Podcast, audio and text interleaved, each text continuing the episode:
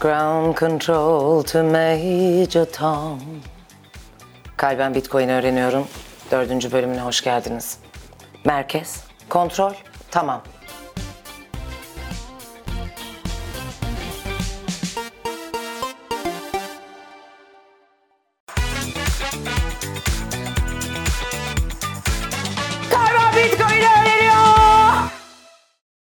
Bu bölümde yine Bitcoiner'la birlikte ilginç soruların yanıtlarını bulacağız.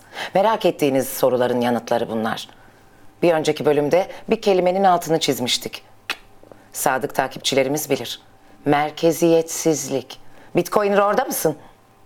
Merhaba Kadın, hoş geldin. Hoş bulduk Biriciğim. Ne yapıyorsun? Bildiğin gibi Satoshi evreninde Bitcoin'de takılıyorum. Satoshi evreninde öyle genesiz küpümün önünde takılıyorum. Öyle tatlı tatlı yaşıyorum diyorsun. Orada tabii kriz yok. insan hakları eşitsizlikleri yok. Fırsat eşitsizliği yok. Oh güzel bir evrendesin be Bitcoiner. Evet, Bitcoin'in değer önerileri sayesinde burası çok daha güzel. Bugün seninle merkeziyetsizlik kavramını konuşarak başlamak istiyorum bölümümüze. Merkeziyetsiz ne demek? Evet, daha önce seninle konuşurken bu kavram geçmişti. Merkeziyetsiz dedik Bitcoin için, Bitcoin blok zinciri için. Ee, tek, tek böyle iki kelimeyle şöyle söyleyelim. Sorumluluğun dağıtılması. Yani tek merkezden yönetilmemek demek merkeziyetsiz. Ee, e, blok zincirin merkeziyetsiz e, oluşu demek de yine e, bir devlet, şirket, e, bir birey, bir e, organizasyon gibi merkezi bir unsura direkt bağlı olmayan yani karar verme mekanizmasının, kontrol mekanizmasının e, tek bir merkezde olmadığı ağın kendisine dağıtıldığını e, anlamına geliyor blok zincirinin merkezi. Sevgili Bitcoiner burada çok küçük bir parantez açmak istiyorum. Kanye West'in Power şarkısını bilenler hatırlayacak. Tek bir adama bu kadar güç vermek doğru değil der. Ünlü düşünür Kanye West. Adeta merkeziyetsizlikte yine bir insanın bütün gücü almadığı, tek bir kurum üzerinden gücün ilerlemediği, gücün insanlara dağıldığı, kurumlara değil insanlara dağıldığı bir yapıdan bahsediyoruz. Seni dinlemeye devam ediyoruz sevgili Bitcoiner. Kesinlikle tam dediğin gibi kimse ağı ve bu ağı kullanan bireylerin işlemleri üzerinde e, yetki ve kontrole sahip olmuyor blok zincirinde merkeziyetsiz yapısında. Yani bir ağın, e, bir blok zinciri ağının merkeziyetsiz oluşu nasıl oluyor peki? Tırnak içinde söyleyeceğim. E, ana bilgisayarı yok. Vardır ya bu ana Evet. bilgisayar mevzusu. E, tabii ki egzajere ediyorum. Yani veriler, bilgiler eşten eşe gidiyor. E, bir değerden, e, paradan örnek verirsek mesela e, benim e, eğer itibari bir para yani bir kağıt para cebimdeyse seninle buluşup e, eşten eşe direkt sana verebilirim. E, sen de bana işte belki hani bir para üstü gibi bir şey verebilirsin. Okey. Ama kağıt para evet cebimdeyse tamam. Ama e, buradan dünyanın bir ucundaki e, kalbene mesela Kanada'daki kalbene nasıl yapacağız? Nasıl vereceğiz? Zor. Yani imkansız değil ama çok zor. O yüzden de e, ben ne yapıyorum? E, paranın olduğu bir banka hesabına ve onun e, banka hesabına uluslararası transfer yapıyorum. Dolayısıyla bu işlemi yapan servis sağlayıcılar, bankalar hatta bankaların kendi ülkelerinde bağlı olduğu tüm kurumlar e, bir kişinin işte Kanada'daki kalbine e, transfer ettiği miktarı, işlem ücreti de dahil tüm kayıtları kontrol etmiş oluyor. Kısacası merkezi bir sistemden yürüyor. Ama Bitcoin blok zinciri merkeziyetsiz.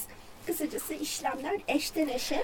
e, Bunu e, bir önceki bölümde de biraz aslında konuşmaya başlamıştık. E, anonim olması konusu. E, buraya tekrar döneriz olmadı. E, hoşuma giden bir şey anonim olmak. Çünkü aslında e, iktidar anlayışına da bu e, anonimlik bir şeffaflık getiriyor. Bitcoin'i kim kontrol ediyor peki sevgili Bitcoiner? Çünkü Kanadalı kalbenin kontrol etmediğini biliyoruz.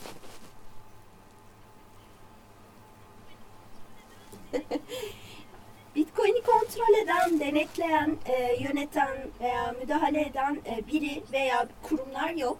Çünkü Bitcoin'in geliştiricisi Evet kim olduğunu bilmiyoruz. Bir kişi mi, bir kişilerler, bir sürü tüzel kişilikler, kadınlar, erkekler, queerler. Kim bu Satoshi ya?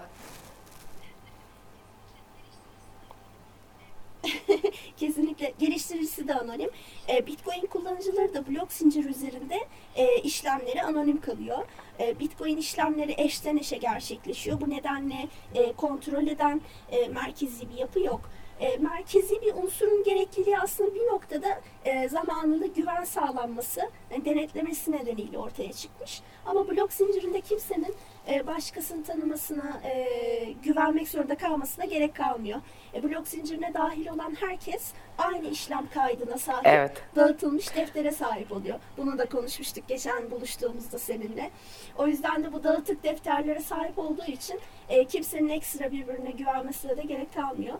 E, yalnızca bir e, kişideki e, kişinin defterinde yani bilgisayarındaki blok zinciri yazılımındaki e, verilerde oynama yapılırsa veya bir siber saldırıya uğrarsa bile diğer herkes de aynı kayıtlar olduğu için ağdaki üyelerin çoğunluğu tarafından bu değişiklik reddediliyor. E, tıpkı veresiye defteri örneğinde verdiğimiz gibi bütün mahalle ayağa kalkıyor sen bir kayıt silmeye çalışsan. Bitcoiner yine bize birbirinden güzel bilgiler verdin. Sana teşekkür ediyorum. Ve ilişkilerinde güven arayan, mutluluk arayan, huzur arayan insanları belki de aşka değil, Bitcoin dünyasına davet ediyorum. Bu bölümün benim için öğreticiliği bu yönde oldu. Bir sonraki bölümümüzde yine birbirinden ilginç sorular ve dünya tatlısı yanıtlarla karşınızda olacağız. Meraklılarla buluşmak üzere. Dördüncü bölüme kadar gelmişken Satoshi TV'ye abone olmayı da unutmayın. Bunca bölümün hatrı kalır. Öpüyorum.